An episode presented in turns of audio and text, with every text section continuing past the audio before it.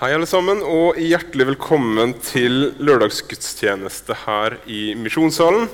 Eh, om du er her for n-te gang, eller om du er her bare fordi du er på besøk i byen og på fellesskapskonferanse oppe på Fjellhaug. Oss eh, går denne, denne våren igjennom frelseshistoria fra Abraham til Moses her i Misjonssalen på lørdagene. Nå har vi riktignok hatt noen unntak nå i mars. Eh, blant annet så hadde vi møteveke med Kristian Johansen, der han eh, fikk eh, fritak. Og så Forrige helg så hadde vi også møtehelg med Sam Albury. Noe som jeg opplevde som ei veldig viktig helg. Så for dere som ikke var her da, sjekk ut undervisninga derifra på Soundcloud. Men forrige gang oss var i i denne serien så var det Janne Mjølhus som snakka om Josef. Og hvordan Josef på en måte blir solgt som slave eh, av sine egne brødre, eh, havna i Egypt og enda opp med å bli på en måte redskapet for Guds frelse for Jakob, for de samme brødrene som hadde solgt han i slaveri. Eh, og da for hele folket, hele slekta. Og så sier han til sine brødre når de kommer til han og er redd eh, etter faren dør, så sier han til dem dere tenkte å gjøre vondt mot meg, men Gud tenkte det til det gode. Og Når vi kommer inn igjen nå, så har folket vokst og blitt stort. Eh, men situasjonen der i Egypt har forandra seg. De, eh, Egypt har fått en ny konge som ikke kjente til historien om Josef, hvordan han hadde redda både egyptere og sin egen slekt. Eh, en ny konge som ser israelsfolket som en trussel, en intern trussel. Så situasjonen forandrer seg. og Så skal vi lese sammen fra eh, andre Mosebok, kapittel 2, vers 23, og ut hele kapittel 3. Lenge etter dette døde kongen i Egypt. Israelittene sukka og klaga over slavearbeidet, og skriket deres steig opp til Gud. Gud hørte hvordan de stønna. Og Gud kom i hug si pakt med Abraham, Isak og Jakob. Gud så til israelittene. Gud kjente dem. Moses gjette småfe til Jetro, svigerfar sin, presten i Midian. En gang han drev feet over til den andre sida av ørkenen, kom han til Guds fjell Horeb. Da viste Herrens engel seg foran i en flammende ild som slo opp fra en tornebusk. Han så og så, busken sto i lys lue, men han ble ikke tært opp av vilden. Og Moses sa, 'Jeg vil gå bort og se hva dette mektige synet.' 'Hvorfor brenner ikke tornebusken opp?' Men da Herren så at han kom bort for å se, ropa Gud til ham fra tornebusken. 'Moses, Moses', han svarte, 'Her er jeg'. Og Gud sa, 'Kom ikke nærmere'. Ta skoene av føttene, for staden du står på, er hellig grunn. Så sa han, 'Jeg er din fars Gud, Abrahams Gud, Isaks Gud og Jakobs Gud.' Da gjemte Moses ansiktet, for han var redd for å se Gud. Herren sa, 'Jeg har sett nøden til mitt folk i Egypt,' 'og jeg har hørt skrika der under slavedriverne.' 'Jeg kjenner deres smerte.' Jeg har steget ned for å fri deg ut av hendene på egypterne og føre deg opp fra dette landet og inn i et godt og hvitt land inn i et land som fløymer med mjølk og honning. Plassen der kanonerene og hetittene, amorittene og peresittene, hevittene og jebusittene bor. For nå har skriket fra israelittene nådd meg, og jeg har også sett hvor hardt egypterne undertrykker dem. Gå nå, jeg sender deg til farao. Du skal føre folket mitt, israelittene, ut fra Egypt. Moses sa til Gud, 'Hvem er jeg?' Kan jeg gå til farao og føre israelittene ut av Egypt? Han svarte, Jeg skal være med deg. Dette skal du ha til tegn på at det er jeg som har sendt deg. Når du har ført folket ut fra Egypt, skal du tjene Gud på dette fjellet. Da sa Moses til Gud, enn om jeg går til israelittene og sier til dem, Han som er deres fedres Gud, han har sendt meg, og de så spør meg, hva er navnet hans? Hva skal jeg svare dem? Gud svarte Moses, jeg er den jeg er. Og han sa, slik skal du svare israelittene, jeg er har sendt meg til dere. Og Gud holdt fram. Du skal si til israelittene, Herren deres fedres Gud, Abrahams Gud, Isaks Gud og Jakobs Gud har sendt meg til dere. Dette er mitt navn til evig tid, dette skal jeg kalles fra slekt til slekt. Gå og kall sammen de eldste i Israel og si til dem, Herren, dere fedres Gud, Abrahams, Isaks og Jakobs Gud, har vist seg for meg og sagt:" Jeg har holdt øye med dere og med det som er gjort mot dere i Egypt. Og jeg har sagt at jeg skal føre dere bort fra plagen i Egypt og opp til landet, til kanonerene og hetittene, amorittene og peresittene, hevittene og jebusittene, til et land som fløymer med mjølk og honning. De kommer til å høre på deg. Og så skal du og de eldste i Israel gå til kongen i Egypt og si:" Herren, som er Gud for hebreerne, har møtt oss. La oss nå få dra tre dagsreiser ut i ørkenen og ofre til Herren vår Gud. Men jeg veit at egypterkongen ikke vil la dere dra, om ikke ei sterk hand tvinger ham. Derfor vil jeg strekke handa ut og slå Egypt med alle de undergjerningene som jeg vil gjøre iblant dem. Deretter skal han la dere fare. Og jeg vil la dere finne nåde i øynene til egypterne. Når dere reiser, skal dere ikke dra tomhendte. Hver kvinne skal be nabokona si og de kvinnene hun bor i lag med, om ting av sølv og gull og om klær. Det skal dere la sønnene og døtrene deres bære. Slik skal dere utnytte egypterne. La oss be. Kjære Jesus, takk for at oss får samles i ditt navn og om ditt ord. Du ser det jeg skal si nå, må jeg få lov til å eh, formidle det jeg føler jeg har fått. Må du være her med Din Hellige Ånd. Eh, vis oss noe av hvem du er her i kveld. I ditt navn, Jesus. Amen. Oss har jo gjort et hopp. Eh, sist oss var i serien, så var oss i, i første Mosebok. Nå er oss plutselig i andre Mosebok. Og jeg skal ta en liten sånn recap av hva som skjer Eh, i de første kapitlene. Det handler om på en måte israelittene som vokser. Eh, de blir flere og flere. Egypterkongen liker det ikke. Prøver først å få jordmødrene som jobber blant dem, til å drepe alle gutter. Eh, men jordmødrene vil ikke det. Så da tar han og går ett skritt lenger. Han sier til sine at de skal kaste alle guttebarn som israelittene får, i Nilen. Drepe alle gutter Eh, de kommer over. Og Moses han er en av disse guttene som blir født. Mora er, tenker på beina, er lur, bygger ei korg til han og sender han nedover Nilen.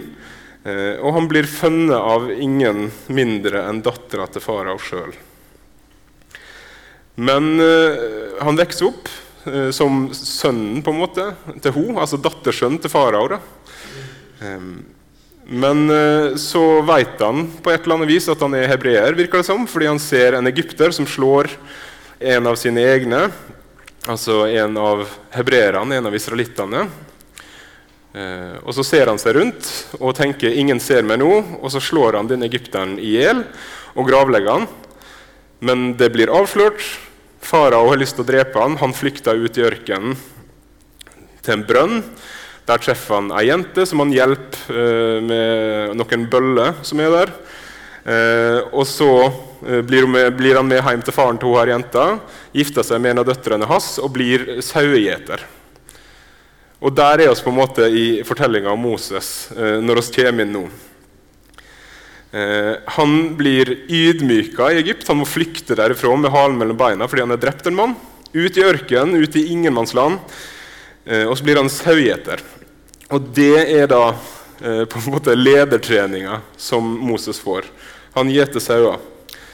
Um, og jeg synes det er litt interessant, da, fordi sauer dukker jo opp igjen flere plasser i Bibelen som et bilde på meg eh, og et bilde på deg. Eh, og Jeg vet ikke hvor mange av dere som har hatt veldig mye med sauer å gjøre. Jeg har eh, en onkel, altså Min far vokste opp på en gard der det var sauer. Og de er dumme, ass. De er så dumme. Eh, og så, altså ja, Jeg kan ta ei lita historie. Min onkel eh, var oppe på fjellet, eh, holdt på med sauesankinga. Eh, hadde fått ned alle, det var én igjen, så de tok en ekstra tur opp bare for å finne den ene sauen. Det er jo veldig sånn der bibelhistorie over det her. Eh, og så finner de den sauen, da, men den fortsetter bare å springe vekk fra dem. Og så til slutt så tror de nå, nå nå kommer han, liksom. Fordi nå står sauen på, på en måte stranda til en innsjø langt oppå på fjellet. Og så er onkel og de andre omringa, omringa den. Og da tenker jeg nå, nå har vi den. Sauen tar et blikk på dem, snur seg mot innsjøen og springer. Eh, og sauer eh, altså, de absorberer vann, så den sank jo eh, tvert. Onkel uti etter får opp sauen, fullvoksen sau som har hatt en hel sommer på å vokse ullmessig. Eh, dobbelt så tung som den var før den hoppa inni, og helt utkjørt av sin egen fluktforsøk. Så den greier jo ikke å gå sjøl. Så da må onkel bare strappe den på ryggsekken og bære sauen hjem. Eh, både et andagspoeng eh, og en illustrasjon på hvor teite sauer egentlig er. Som sauegjeter så blir altså Moses kalt av Gud til å lede folket ut av Egypt. Og akkurat som sauene så er folket dumme mann. Skikkelig, skikkelig dumme over 40 år etterpå en kan tenke at kanskje det var bra han hadde vent seg til å forholde seg til sauer. Fordi Når han har leda folket i 40 år, i 5. Mosebok, så sier, Paul, så sier Moses om dette folket Så lenge jeg har kjent dere, les lenge, har dere gjort opprør mot Gud. Så lenge jeg har kjent dere, har dere gjort opprør mot Gud. Så kanskje var det ikke så dum ledertrening likevel. Det blir en parentes. Eh, i vår tekst så kommer Gud nær, synlig til stede. Altså, han, han, han kommer som en flamme. Han kommer helt ned eh, for første gang i andre Mosebok. I kapitlene før så kan en se på en måte at Gud er med. Hvordan Gud beskytter israelittene, lar dem vokse, lar dem bli mange. Og på den måten oppfylle løftet sitt til Abraham. Men i vår tekst skjer det likevel noe. Vi skal se på kapittel 3, vers 1-6. Moses gjetter altså småfe, og så ser han noe rart. noe. Da viste Herrens engel seg foran i en flammende ild som slo opp fra en tornebusk. Eh, liten sånn nerdeting. Det står altså ikke at busken brenner, men at Herren viser seg som en flammende ild som slo opp fra en busk. Altså, Busken brenner jo på en måte ikke, den brenner jo ikke opp. Men der er altså ilden som Gud viser seg i. Da. Han så og så, busken sto i lys lue, men han ble ikke tært opp av ilden. Og Moses sa, 'Jeg vil gå bort og se ditt mektige synet. Hvorfor brenner ikke tornebusken opp?' Han ser busken, og så greier han liksom ikke la være. Han må bort og se. Dette er nokså spesielt syn. Så taler ei stemme ut fra flammene, og Moses svarer stemma. Og så presenterer på en måte Gud seg. Kom ikke nærmere, ta skoene av føttene, for plassen du står på, er hellig grunn. Jeg er din fars Gud, Abrahams, Isaks og Jakobs Gud. Og Så er det igjen interessant å se hvordan Moses reagerer. fordi Da gjemmer han ansiktet fordi han var redd for å se Gud. Gud han kommer ned, han viser seg i en busk som brenner, men ikke brenner opp. Et syn som både er litt skremmende, men også veldig tiltrekkende. Eh, og jeg tenker Det beskriver på en måte hvordan Gud er for oss. Gud er skremmende og stor og mektig, men Gud er også nærværende. Han ser, han hører, han bryr seg. Gud er kommet nær, Gud er til stede, han er med. Så på den ene sida Gud er skremmende og stor, og på den andre sida Gud har kommet nær, han ser han hører. Gud er stor, men Gud er nær. Gud er mektig, men han er til stede i mitt liv, i min virkelighet, i min verden. På et personlig nivå så kan jeg si at Gud er både over meg og med meg. Sånn viser han seg for Moses. Og skal hoppe litt lenger inn i kapittel 3, vers 13-15. Da sa Moses til Gud, enda jeg går til israelittene og sier til dem, Han som er deres fedres Gud, har sendt meg, og de så spør meg, hva er navnet hans? Og Gud svarte Moses, 'Jeg er den jeg er'. Jeg er har sendt meg til dere, skal du si. I denne teksten er det akkurat som om Gud med vilje sprenger kategoriene både for Moses og for oss. Han velger å si 'jeg er den jeg er' på spørsmålet om hvem skal jeg si at du er. Og så hadde antageligvis putta noe annet bak 'jeg er' enn 'den jeg er'. hvis det var oss som ble spurt om dette. Å ja, han kjenner jeg. Eh, hvis, hvis, du skal tenke på en sånn ting for, for, din egen del, så den jeg er, vil ikke være det, på en måte. Men det viser bare hvordan Gud han lar seg ikke definere Eller han lar seg ikke bokse inne av oss. Han definerer seg sjøl. Jeg er den jeg er.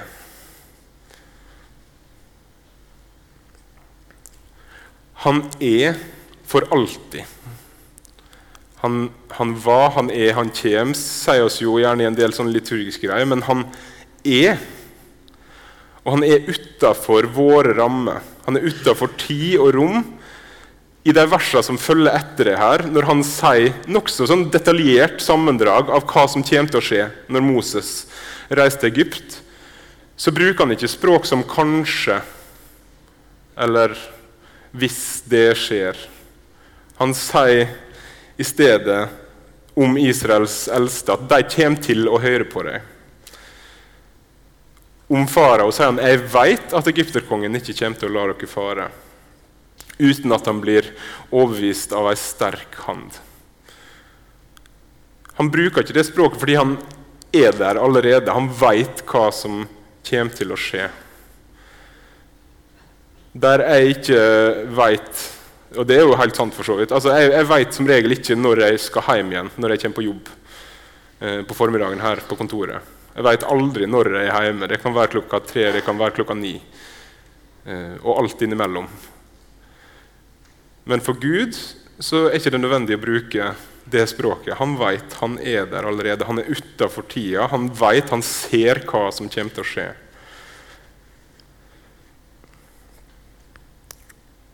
oss, har veldig lyst til å definere hvem Gud er. Uh, og kanskje ikke det her er den forsamlinga som er mest betegnende for, men jeg vil tro alle av dere har hørt nei, Gud, min Gud er ikke sånn. Eller jeg tror ikke Gud kan gjøre det. Eller sånn, nei, Gud ville ikke gjort det. Eller han er ikke sånn, eller han er ikke sånn. Å se et behov for å se lyst til å forme Gud sjøl. Og I den teksten så er det som om Gud sier det går ikke. Sorry. Jeg tror ikke mine definisjoner er særlig hjelpsomme heller. Hvis jeg skal definere Gud, så vil ikke jeg få en Gud som kan hjelpe meg i møte med livet. I møte med alle livets realiteter, fra det kjekke til det dritkjipe. Samtidig så tror jeg jo at det er mulig å si noe om hvem Gud er. Hvis jeg ikke hadde jeg jo kasta vekk tida mi på å påstå her. Um, men det er Bibelen som, som, viser oss det oss kan vite om Gud. Det er her oss kan se hvem er det han er. For hvis oss definerer han sjøl, så ender vi fort opp enten med en Gud som er veldig stor, men ikke, ikke nær en stor, fjern Gud, en Gud som ikke ser, ikke hører, ikke bryr seg om hva jeg gjør, hvordan jeg lever, hvordan jeg har det. Eller å ender opp med en veldig nær, litt sånn 'Jesus is my homeboy'-gud, som er veldig ufarlig, litt sånn high fives all around-type gud, men som er veldig medgjørlig, som jeg aldri på en måte trenger å frykte på noe som helst slags nivå. Og jeg skal, jeg skal, ta en sangstrofe eh, som er en, for meg moderne norsk lovsang på sitt absolutt verste.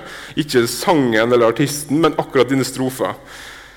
Eh, det er eh, en sang om Jesus der ei strofe går 'Kroner deg til konge med min kjærlighet'. Kroner deg til konge med min kjærlighet. Og da vil jeg si Hvis det er på en måte bildet av Jesus, at det er jeg som står for kroninga her, så er det et veldig annerledes bilde enn det Bibelen gir oss. Når Paulus skriver om Jesus som konge, så sier han han er konge. Hvert kne skal bøye seg. Han er helt uavhengig av om jeg har en eller annen liten fillekrone som jeg har lyst til å sette på hodet hans. Jesus er konge til evig tid. Og hvert kne skal bøye seg. Enten det er i glad underkastelse eller i bitter underkastelse. Jesus er konge. Verdt å reflektere rundt i våre egne liv. Hvordan, på hva måte er det jeg har gjort Gud til noe annet enn det han viser seg som i Bibelen? På hva måte har jeg ufarliggjort han? På hva måte har jeg gjort han fjern? På hva område i livet mitt lever jeg som om han ikke ser, ikke hører, ikke har kommet ned?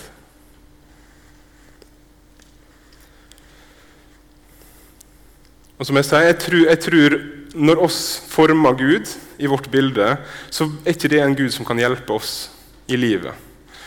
Og så gir det oss kanskje, eller sånn, Ofte så kan vi også forme en Gud som på en eller annen måte lover oss et lettere liv enn det Gud faktisk har lova oss.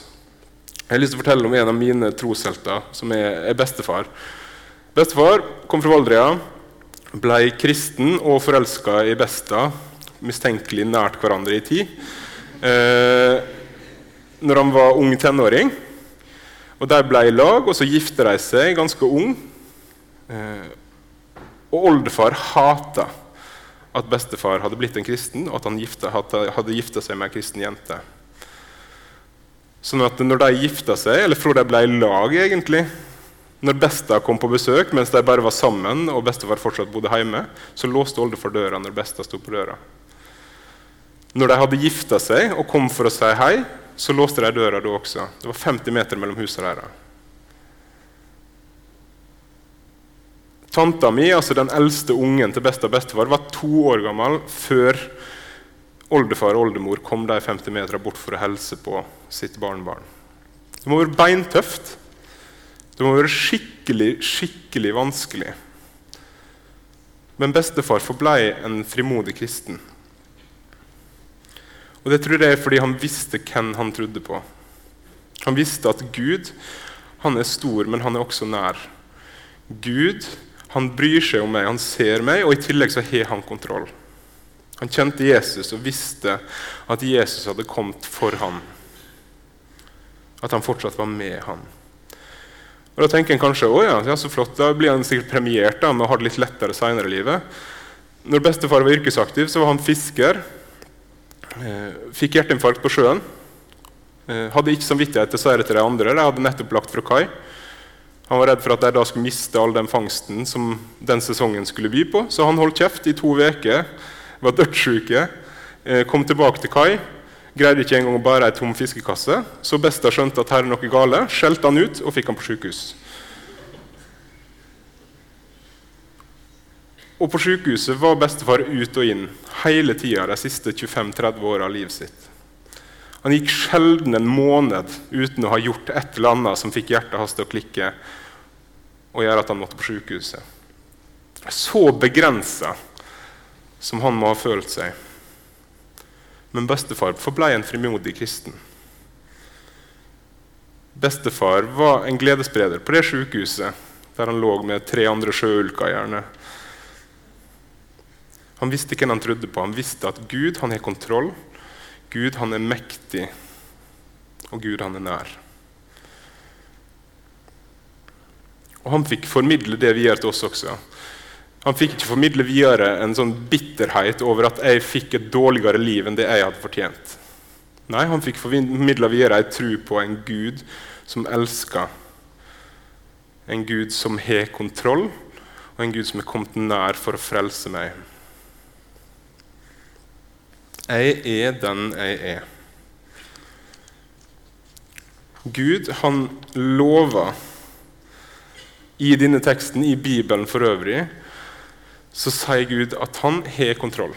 Jeg har hele verden i min hand. Og at han bryr seg om oss. Men han lover oss ikke et lett liv. Vi skal gå til kapittel to, liksom prologen, det som på en måte er skiftet i andre Mosebok fra å handle om Moses når han blir født og vokser opp, og sånn, til å handle om hva denne boka, andre Mosebok, egentlig går i. Lenge etter dette døde kongen i Egypt. Israelittene sukka og klaga over slavearbeidet, og skriket deres steig opp til Gud. Gud hørte hvordan de stønna, og Gud huska si pakt med Abraham, Isak og Jakob. Gud så til israelittene, og så elsker jeg det semikolonet der. Gud kjente dem. Gud kjente dem. Folket har vokst seg stort, de er blitt mange, alt som Gud har lova.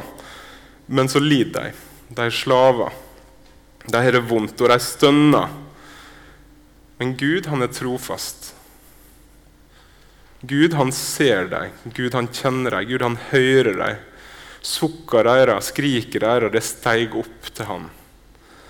Og han vendte ikke det døve øret til. Han var ikke langt vekke. Han hørte det, og så griper han inn.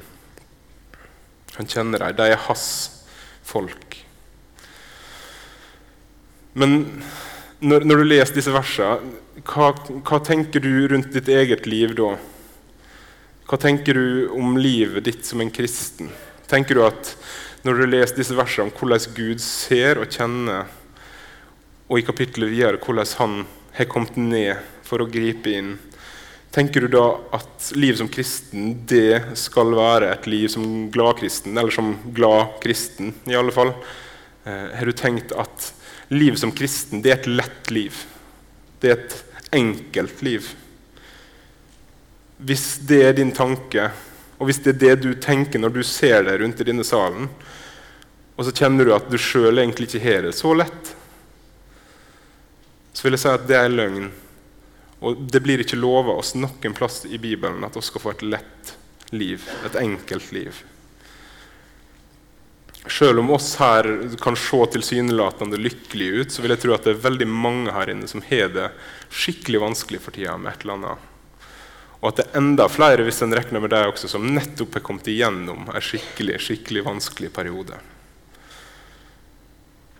Denne teksten forteller oss om at Guds folk, hans folk, de som han elsker, ser høyere, de lider, og de sukker, og de stønner. De slipper ikke unna lidelsen, sukker, stønner. Men han ser dem, og så vil han gripe inn i det. Denne teksten er bare ett eksempel på i Bibelen hvordan de som tror på Gud, følger Gud, de som er hans folk, lider og har det vanskelig. De siste månedene har vi gått gjennom historien om Abraham, Isak, Jakob, Josef. Ingen av dem kjennetegnes ved at livet levdes der oppe. Det svinger opp og ned. Vanskelige dager, lette dager. Lyse dager, mørke dager. Og sånn er livet. Og det er faktisk ikke likt fordelt heller. Det er ingen garanti. altså Det er ikke en sånn alle har en bar liksom med lidelse som en får i løpet av livet. Nei, det kan variere fra person til person. En av de eksemplene i Bibelen på det er Paulus som lista opp liksom hvordan ja, altså, jeg har blitt piska to ganger. Jeg har, blitt steina De var sikker på jeg var død. Og så går han an og an og an. Men så vitner han også om hvordan Gud han er en Gud som trøster. I 2. Korinterbrev snakker Paulus om at de var i Makedonia og hadde det dritvanskelig. Han beskriver det slik det var bare motstand. Bare motgang. Det var uro rundt oss, det var angst inni oss. Det var det eneste oss følte på. Og så skriver han Men Gud, som trøster de nedbøyde, han trøsta oss med at Titus kom. Og Da vil jeg ramme inn de men Gud som trøster de nedbøyde. Fordi Der sier Paulus noe om hvem, hvem Gud er, hvordan Gud er som blir til trøst også for meg. Og så ser du i de versene at det er Titus som kommer, og slik trøster Gud Paulus ved at en bror kommer til ham. Sånn tror jeg det ofte er for oss også. Men så er det lett å tenke når en leser det verset ah, så, så fint, du ble trøsta. Liksom. Eh, Paulus ble til slutt halshugd. Han ble, altså, De kappa hodet av ham. Det å leve med Jesus garanterer deg ikke et lett liv. Men jeg tror likevel at det er verdt å leve. Jeg tror det er verdt det. Midt i vårt strev, midt i vårt mørke, midt i de dagene der vi lurer på hva som er vitsen, der vi føler oss helt alene, der vi føler oss glemt, så lover Gud oss at han ser til oss, han kjenner oss. I kapittel 3 så understreker han det kanskje enda sterkere. Kapittel 3, vers 7-9. Jeg har sett nøda til mitt folk i Egypt, og jeg har hørt skrika deres under slavedriverne. Jeg kjenner deres smerte. Jeg kjenner deres smerte. Uansett om det er meint som at Gud fysisk kjenner, eller at han, han kjenner det på en annen måte, så er det uansett sterkt. Så er det uansett flott å lese 'Jeg kjenner deres smerte'. Oss er ikke glemt, oss er ikke alene, oss er kjent, oss er sett og så elska.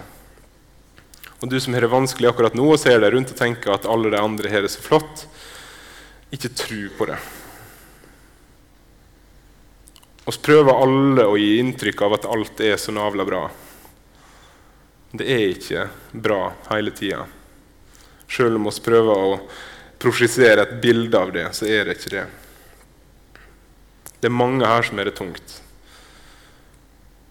Men alle her er sett av Gud, kjent av Gud, elska av Gud. Og Så fortsetter Gud i denne teksten med å si 'Jeg har kommet ned for å redde'.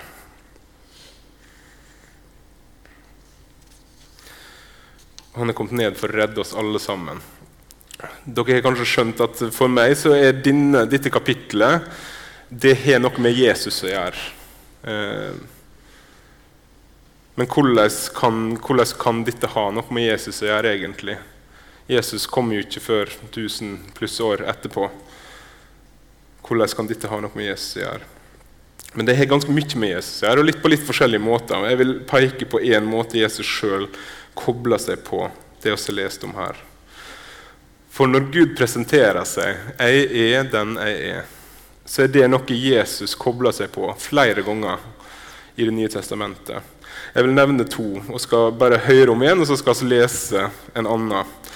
Den ene eh, det er forresten de to kuleste plassene, syns jeg, da, eh, der Jesus sier 'jeg er Denne er'.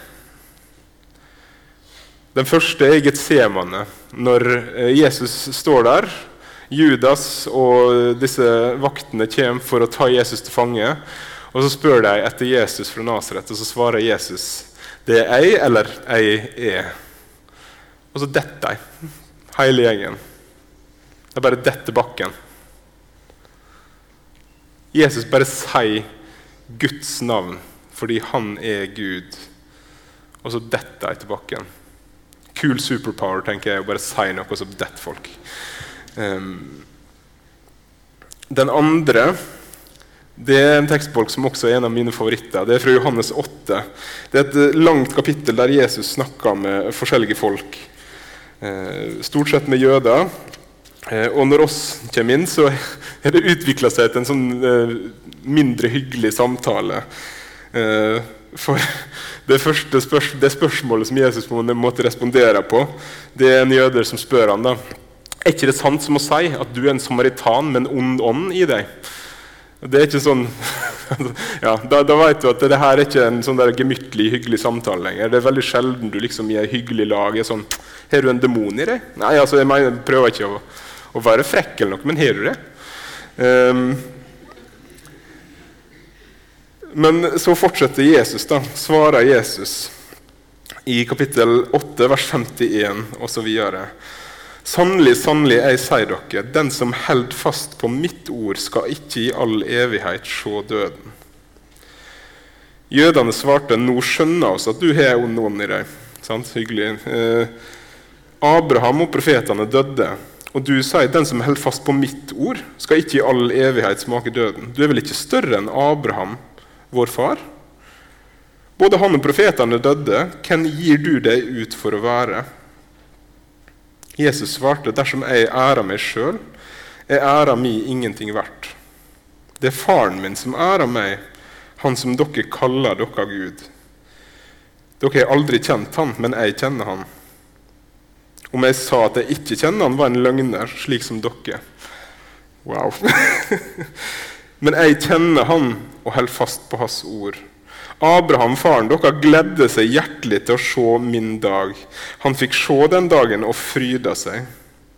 Du er enda ikke 50 år, sa jødene, og du har sett Abraham. Og så svarer Jesus så legendarisk. Sannelig, sannelig, jeg sier dere, før Abraham var, er jeg. Og det gir jo ingen mening. Hvis, bare, altså hvis jeg er tolv år gammel nordmann uten prekunnskap her og leser det verset, så gir det ingen mening whatsoever. Grammatisk forkastelig. Men så skjønner oss når vi har den teksten fra andre Mosebok i bakgrunnen, og så skjønner utvilsomt jødene, fordi de prøver å drepe ham rett etterpå det her, at det Jesus egentlig sier her, er både 'jeg var før Abraham var', men viktigere 'jeg er Gud'. Før Abraham var, var Gud altså jeg.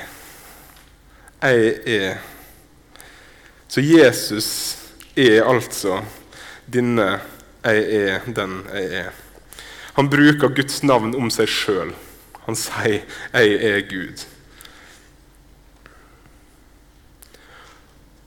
Og Han er jo på en måte også oppfyllelsen av alt dette her. I kapittel 3 i teksten vår så sier Gud 'Jeg har kommet ned for å redde folket mitt ut'. Jesus han kom ned, ble menneske levde det livet oss skulle levd, døde den døden oss hadde fortjent, sto opp igjen fra de døde for å gi oss evig liv. Og alt dette for å føre oss til Gud, til den heimen som Gud har laga klart for oss. Og skal avslutte med et bilde som jeg har lånt av en eh, som heter Matt Chandler, og han har igjen lånt den av en som heter Tim Chester. Eh, så her er det gjenbruk på, på, høyt plan, men jeg vil avslutte med det fordi jeg syns det var eh, så nydelig. I kapittel tre så sier Moses til Gud når Gud først kaller han. Hvem er jeg? Kan jeg gå til farao og føre israelittene ut fra Egypt? Og så Gud, Guds svar det er ikke noe med kvalifikasjonene til Moses. Ingenting med hvorfor det er akkurat han som skal gjøre dette her. Men han svarer 'Jeg skal være med deg'. Og det er hele altså det, det, det er veldig lett å se evangeliet i de to versene. Hvem er jeg? Jeg er med deg, er svaret. Eh, og Da er det bildet som Tim Chester eh, bruker. Hvis jeg, eller hvis du, hadde tenkt åh, hadde vært rått å på en måte være på Buckingham Palace og bare fått se alle rommene, til og med de hemmelige rommene, på en måte hilse på dronninga og liksom henge med henne, eh, så jeg bestilte tur til London, liksom. Og så går jeg til Buckingham Palace. Eh, og så står en disse der, eh, vaktene der og på en måte stopper meg da, med porten og spør unnskyld meg, men hva, hva, hva er det du skal? Nei, jeg skal treffe, skal treffe dronninga, og så skal jeg se hele, hele slottet. Eh, å ja, hvem, hvem, er du? Ja, Jan Magnus, Jan Magnus Lillebø. Takk som spør, liksom. Eh, da hadde jo de sagt eh, 'kom deg vekk'. Du, du er ikke ekses her. Du, altså, hva, hva er det du tror, liksom? Kom deg vekk. Dronninga er opptatt. Uh, I hvert fall for opptatt til å, å, være med en som deg. på en måte. Men så er det da kult å tenke på at den historien her hadde også på et eller annet tidspunkt vært sann for ei som heter Kate Middleton.